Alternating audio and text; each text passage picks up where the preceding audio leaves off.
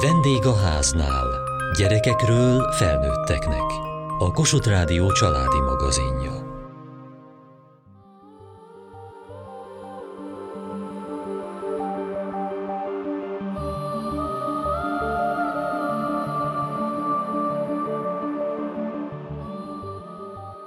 Nekem szerencsém volt. Alig voltam beteg gyerekkoromban, kórházban sem töltöttem többet egy hétnél. De nagyon együttérzek azokkal a gyerekekkel, akiknek hónapokig ki kell ott bírni. Nekik segít a kórház suli, hogy ne maradjanak le a tanulásban.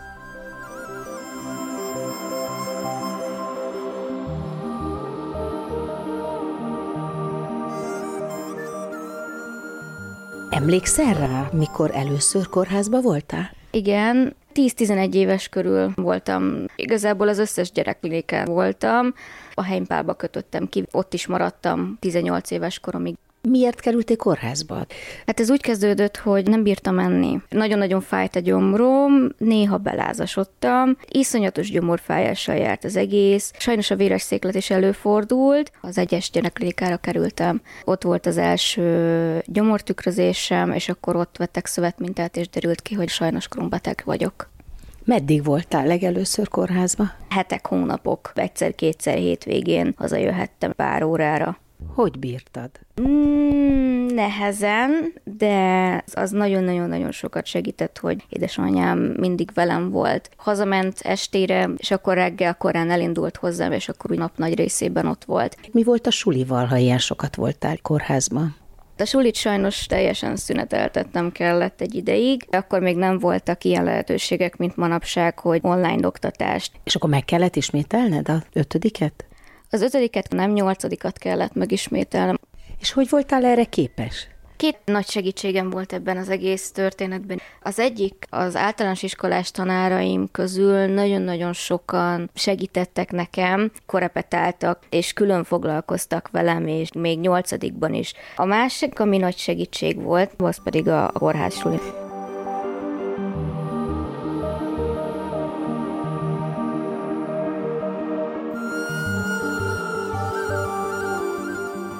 Könnyen tanulták a gyerekek a matematikát?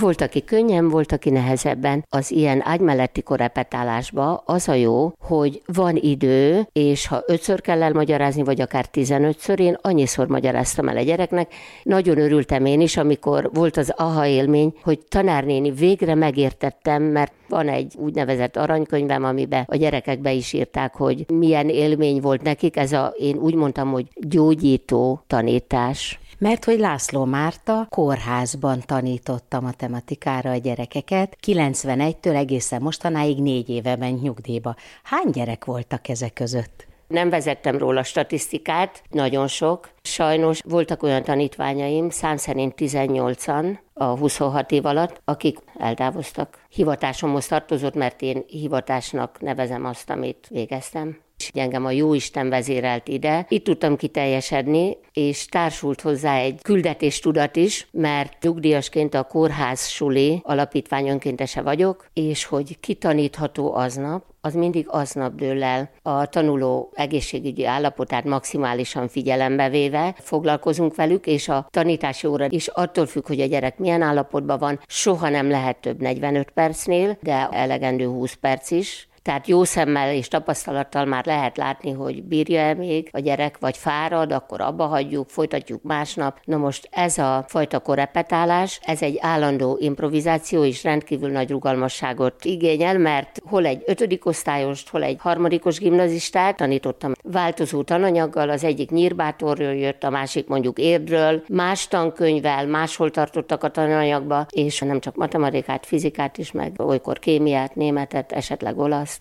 és akkor ez úgy történik, hogy reggel bemegy a kórházba, elkezdi járni a kortermeket, és az a gyerek, aki éppen ráér, kedve is van, a mellé leül, és egy feladatot oldanak meg? Nekem a munkaidőm az negyed kilenctől tartott fél kettőig, és ebbe az időbe gyakorlatilag rám volt bízva, hogy kiket, mennyi ideig tanítok, és melyik osztályokon, mert a Heimpál kórházban volt legalább 12 fekvőbeteg osztály, azokra az osztályokra jártunk, ahol hosszú távon benfeküdtek a gyerekek, például a onkológiai osztályon, sebészeten, bőrosztályon például. Tehát én osztottam be, bekopogtam, felkínáltam a lehetőséget, és nagyon sokan éltek is vele, még olyanok is, akik először kézzel tiltakoztak. Tehát először ez egy ismerkedés. Volt egy szatyrom, ami már magától oda talált bárhova, teli matematikai játékkal, dominó, logikai játék, tehát életkornak megfelelően kezdtük azzal, és akkor közben becsempésztük a tananyagot, és volt olyan gyerek, aki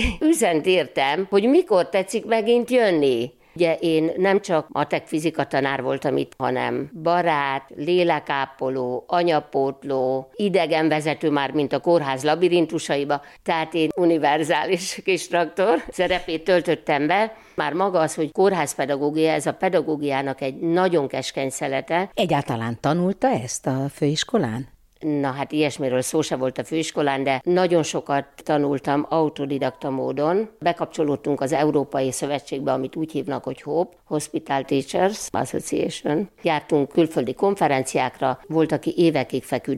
Ővelük olyan bizalmas viszonyba kerültem, hogy már az egész családját ismertem, sőt, vizsgáztattam is kórházi ágyon. Nem kellett évet ismételni. Nagyon sok megható történet van. Egy 14 éves roma fiúnak, én ott a kórházba, a betegágyon a keresztanyja lettem, mert a fiúnak az volt a kérése, amikor érezte, hogy közeleg a vég, mert a gyerekek ezt nagyon jól megérzik, hogy Márta néni, tessék nekem elintézni, hogy megkereszteljenek. És elmentem a főorvos úrhoz, elmondtam neki, hogy Pisti mit kívánt. Ő rám nézett, és azt mondta, hogy tanárnő, támogatom, de minél előbb intézkedjen. Én felhívtam a Kerényi Lajos atyát, három nap múlva jött, egy szombat volt, én extra bementem, azt mondta nekem, hogy tanárnő, kérek egy kanalat, abba öntötte a magával hozott szentelt vizet, és azt mondta, hogy no de ki lesz a Pisti keresztanyja? Tanárnő maga lesz az, jöjjön ide, tegye a vállára a kezét. És akkor megtörtént a keresztelő ott a kórházi ágyon, a Pisti boldog volt, és néhány nap múlva az égi hazába távozott. Pisti most 35 éves lenne.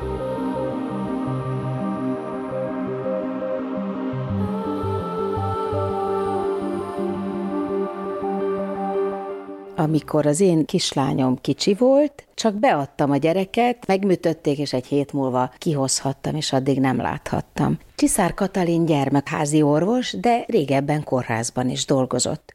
Hogy viselik az orvosok, az egészségügyi személyzet azt, hogy nem csak, hogy a szülők ott vannak, hanem még a tanárok is? A pályám elején nagyon szigorúan vették, hogy nem lehetett szinte a korterembe bemenni. A koraszülött intenzíven azért, mert kicsi, éretlen kisbabák voltak, és kívülről a folyoson nézték az inkubátorba, és szívszorító volt. Ez is óriásit változott, mert már rájöttek, hogy az anya mellére, vagy az apa mellére kell tenni rögtön, és a kontaktus itt kezdődik működik. Mikor találkozott először kórházban tanárral? Amikor én kórházba voltam, ez nagyon elvétve volt, hogy bejött tanár. Én ezt nagyon hiányoltam, egy kicsit áthangolni a gyereket, mert ugye az orvos is, a nővér is csak a betegségével kapcsolatban beszél azt a reményt meg kell adni a gyereknek, hogyha tanul, innen kikerül, nem maradjon le, tehát én ezt borzasztó nagy dolognak tartom. Egyébként a kollégái hogy veszik ezt? Hát a lelkismeretes nővérnek, orvosnak ez nagyon szimpatikus, nem mindenki viseli annyira a lelkén, annak biztos zavaró, aki nem végzi rendesen a munkáját, mert ugye akkor a szülő látja, hogy ez nem úgy folyik, és én Angliában voltam egy évig, és ott is látogattam a fertőzőosztályt, és láttam, hogy minden színes, és akár a bangladesi anyuka is ott ül a folyosón, és ott motoroznak a gyerekek, és játszanak, és én hazajöttem totál lelkesedéssel, hogy hát itt mi ez a hófehérség, a fulladós, kruppos gyerekkel nem tud lenni az anyukája, és azt tudjuk, hogy minden légúti betegségnél a légszomjat, a pszichés terhelés fokozza. Tehát nekem ez egy akkora misszió lett, hogy elkezdtem a László kórházba harcolni. A kórházi fertőzés az sokkal lényegesebb, mint az, hogy valaki kívülről bemegy. Mikor a folyoson kívülről látogatták a László kórházba a gyerekeket, és utána órákig nem tudtuk megnyugtatni, mert nem értette a gyerek, hogy miért nem viszik el, miért nem ölelheti meg. Úgyhogy akkor nekem egy olyan misszió volt, hogy próbáltam bemenni a főorvoshoz, illetve a szülőket kértem, hogy menjenek be és kérjenek engedélyt, hogy hagy legyenek benn, és hagy etesse, hagy tisztázza, és ez egy óriási könnyebbség, hogyha az édesanyja ölébe tudja azt az oxigént belélegezni, az nem csak az oxigén hat, hanem ez a lelki megnyugvás, amitől a pulzus száma és a légzés száma is biztos, hogy lecsökken. Mi az, amitől megváltozott ez a szemlélet? Valószínűleg mások is jártak külföldön, és látták ezeket a nyitott kórházakat. Sok pszichológus segített ebbe, a piros orr orvosok is járkáltak, tehát beindult, és rákövetkező évre elsőként Káposztás megyeren nagy harcot küzdöttünk, hogy segítsük azt, hogy legyen egy nagyon színes rendelő. Tehát a mi rendelőnk volt szerintem Budapesten elsők között, mint egy óvoda, most már helyen van, hál' Istennek.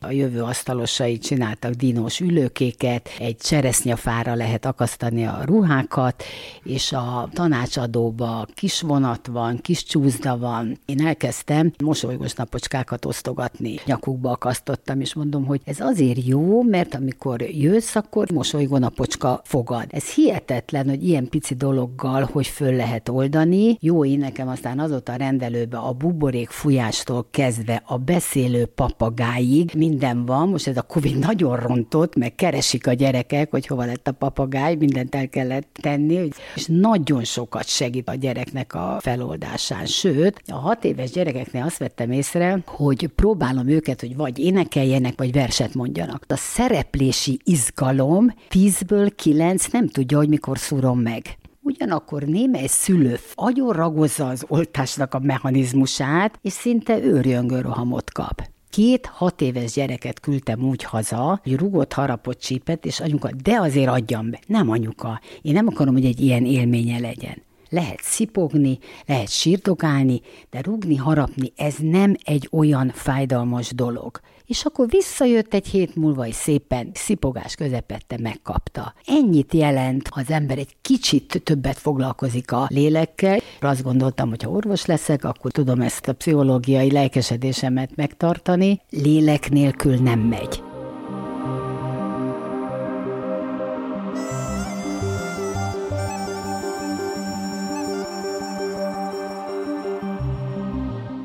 Ott feküdtél fájdalmak között, mindenféle bajod volt, és akkor egyszer csak megjelenik egy tanár, és azt mondja, hogy figyelj, csak most tanuljunk. Volt, amikor mondtam, hogy tanuljunk, feldobta a napomat is. Nagyon sokszor volt olyan, hogy történelem tanár úrral filmet néztünk, és úgy tanultunk történelmet. Vagy nagyon-nagyon szeretem az angol nyelvet, és az angol tanárnővel angolul beszéltünk. Már csak az feldobta a napomat. Volt olyan alkalom, amikor csak beszélgettünk, és az is nagyon-nagyon sokat segített a lelki állapotomon. Hány tanár járt hozzád? Volt, aki elment, volt, aki közbe jött, és akkor a végén négy volt. Voltak tantárgyak, amik kimaradtak? Nem mindegyik tantárgyat tudtuk bepotolni, azt hiszem kémiát mondjuk pont nem, vagy földrajz nem volt, arra emlékszem, biológiára egyáltalán nem, fizikából volt, de hát azt annyira nem szerettem, megmondom őszintén. És ahol nem jött tanár, azt egyedül tanultad meg? Igen, többnyire az is volt, hogy az osztálytársaim azt lemásolták nekem, és akkor abból tanultam. Az a szerencsém volt egyébként, hogy egy nagyon-nagyon-nagyon jó osztályba kerültem, egy csodálatos osztályfőnökkel, aki elképesztően összetartotta a csapatot, és már úgy fogadtak tényleg, mint hogyha nyolc évig velük lettem volna, és ez leírhatatlan érzés volt. Én azért kikimaradoztam, mindig örömmel fogadtak, amikor bejártam, internettel is tartottuk a kapcsolatot, játszottunk online, ez nagyon jó emlékként maradt meg. És akkor jött a középiskola. Hát a középiskolában szerencsére a felvételém jól sikerült. Az egyik legjobb szakközépben tanultam. Ott azért tényleg kellett tanulni. De sajnos jött egy villámcsapás, aminek következtében hónapokig tartó kórház, tehát hogy októbertől egészen karácsonyig bent voltam. Na most ott is csodálatos osztályfőnökön volt szintén, aki ösztönözte a többieket arra, hogy járjanak be hozzám, kezeljenek ugyanúgy, mint hogyha ott lennék. Tényleg be is jártak hozzám sokan. Mondták, hogy mi zajlik az iskolában, mik történnek, ki kivel. És jó érzés volt, hogy így ebből sem maradok ki. És egyébként nekem egy álom volt, hogy én ebbe a tagozatba be tudtam kerülni, mert kevés helyen tanítanak japán nyelvet, Mert hogy japánul tanultál a suliban? Bizony. Hát japán tanár biztos nem járt be hozzád a kórházba. hát sajnos japán tanárt nem tudtak hozzám hívni, de azért volt barátnő, aki nagyon jó volt Japánból, és ő segítségükkel. És az angol átiratból tanultam meg az első éves anyagot, és hármasra levizsgáztam, úgyhogy ez valami hihetetlen eredmény volt számomra. Sajnos át kellett mennem végül esti tagozatra, mert ezt a tömény mennyiségű anyagot, hát azt azért nem lehet tényleg. Hiába volt a tanára a kórházban, az se tudott neked annyit segíteni? Nem az ő segítségük volt kevés, amit nem tudtam teljesíteni, hogy egész éves tananyagból levizsgázni. És melyik az a suli, ahol japánul lehet tanulni? Hát a Hunfalvi. És azóta is tanítanak japánt a Hunfalviban? Bizony, bizony. Na és akkor leérettségiztél úgy, hogy közben átmentél esti tagozatra? Nem, sajnos ez még nem történt meg, de próbálkozok. Sajnos nagyon kell vigyáznom magamra, és ugye a Covid időszak miatt még inkább nem nagyon merem elhagyni a lakást. Sajnos egyszer elkaptam már a Covidot én is, isteni szerencsével megúsztuk, de nem szeretnék még egyszer ezen túlesni. Most szerencsére itthon beszélgetünk. Rég voltál kórházban? Tavaly május 20-a környékétől július 1 volt az egyik, és még szeptemberbe vissza kellett mennem, azóta szerencsére itthon. A kórházsuli tényleg bármikor fogad, próbálnak segíteni mindenben. De akkor most nem is nagyon tanulsz. Nem, annyi minden történt sajnos az elmúlt évben, hogy nem fért bele nem éltem meg szerencsére ezeket a tanulási órákat ilyen úristen érzésekkel, hanem mindig próbáltak innovatív új dolgokat bevezetni, érdekes dolgokat belevenni, ami könnyebbé tette az egészet, nem volt szárzatlan anyag. Azért a legtöbb beteg gyereknek sajnos el kell viselni közben a fájdalmat. Le tudott kötni, és el tudta vonni a figyelmemet pár órára. Tényleg tanultam is közben, amellett, hogy szorokoztam.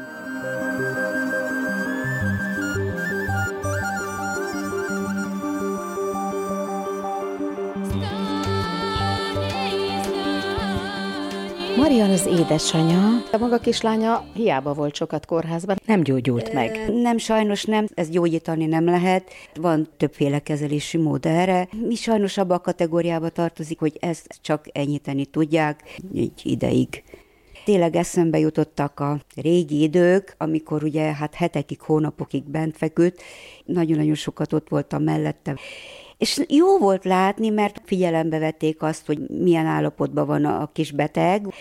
Attól függően, hogy tanítottak is, beszélgettünk nagyon-nagyon sokat az élet dolgairól, és ez nagyon-nagyon jó volt, mert egy kicsit úgy kikapcsolódott, nagyon-nagyon sokat segített. A tizediket azt végig tudta, de utána már annyira romlott az állapota, hogy nem tudta a mai napig sem, nem jutottunk el odáig, hogy ezt be tudja fejezni. Tehát egész nap otthon fekszik? Azt kell mondjam, hogy igen. És maga ápolja? Hol a tápszer folyik, hol az infúziók.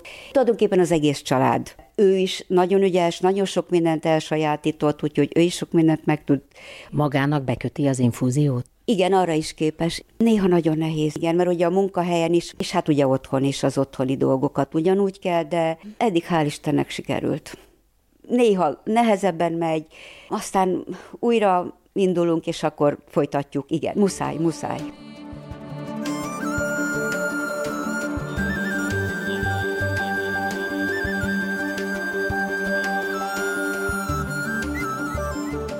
Ki az, akit a leghosszabb ideig tanított? Egy Csilla nevű kislányt, ő az onkológiai osztályon feküdt, egy Székesfehérvár melletti faluból származott. Amikor bekerült, akkor hetedik osztályos volt, és nyolcadikos volt, amikor meghívott engem a ballagására, és sajnos már nem érte meg a ballagást. Nem voltam ott, amikor meghalt, de utána a doktornővel elmondattam, hogy hogy történt, és utána az édesanyja meglátogatott, és megköszönt mindent nekem is, meg a kórházi dolgozóknak. Így dolgozta fel magába, és hálás volt azért, amit kapott, és az, hogy elveszítette a lányát, hát tudta, hogy ez nem az egészségügyön múlott.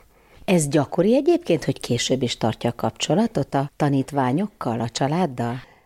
Van, akikkel tartom. Itt azért nem olyan véresen komolyan folyik ez a matek tanulás, megtanuljuk a tananyagot is, de közben beszélgetünk az élet dolgairól. Nem csak adok a gyerekeknek, hanem rengeteget kaptam tőlük, tudásba is, mert a beteg gyerekek azok sokkal érettebbek a korosztályos társaiknál, bölcsebbek nem szeretik, hogyha hazudik nekik valaki. Hát egyszer volt egy édes esetem, hogy olyan 13-14 éves kamaszfiú volt, mellette levő szobában meghalt egy kislány. És ő neki azt mondták a nővérek, hogy azt a kislányt átvitték egy másik kórházba. És akkor én mentem hozzá tanítani. Azt mondja, ha maga, és azt fogja nekem hazudni, hogy az emát átvitték a másik kórházba, ne is tessék bejönni. Mondom, én nem fogom ezt hazudni és elbeszélgettünk a halálról, és akkor mondta ez a fiú, hogy nekem ugyanaz a betegségem van. És nem szeretem, ha nekem hazudnak, hát én 14 éves vagyok. Tudom, hogy mi az igazság. Erről sokkal többet kellene beszélni, mert aki komolyan veszi azt, hogy az életünk véges, az teljesebben fogja élni az életet. Most már a főiskolán tanítják ezt? Akreditált képzés nincs, viszont mi néhányan tartunk kurzusokat az ELTE tanítóképzőkarán, és ott lehet ezt fakultációnak választani. Elmondjuk, hogy mi az a kórházpedagógia, mit csinál egy kórházpedagógus, hogy hogy végeztük a munkánkat, és nagyon szeretik a hallgatók, nagyon pozitívak a visszajelzések. És jönnek is a kórházba tanítani? Ők nem jöhetnek, mert a kórházba nem jöhet be azért bárki. Sajnos Magyarországon nagyon kevesen művelik ezt, Budapesten is csak 25-en, a fővárosi iskola, Szanatórium általános iskola vezetője veszi fel a kollégákat, alakul a dolog. Elég a 25 tanár, vagy többre lenne szükség? Többre lenne szükség, és országos szinten nagyon-nagyon kevés helyen van. Debrecen szépen beindult, van még Szegeden, Szombathelyen, dolgozunk rajta, hogy legalább a megyei jogú nagyvárosokban a gyerekosztályon legyen kórházpedagógus, de ehhez képzés kellene. De hát ezen dolgozunk, hogy ez így legyen.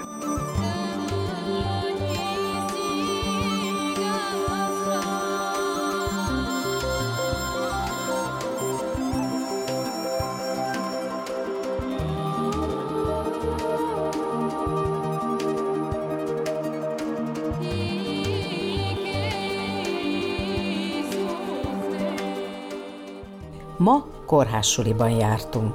Kövessék műsorunkat podcaston, vagy keressék adásainkat a mediaclick.hu internetes oldalon. Várjuk leveleiket a vendégháznál kukac mtva.hu e-mail címen. Műsorunk témáiról a Kossuth Rádió Facebook oldalán is olvashatnak. Elhangzott a vendégháznál. A szerkesztő riporter Mohácsi Edit, a gyártásvezető Mali Andrea, a felelős szerkesztő Hegyesi Gabriella.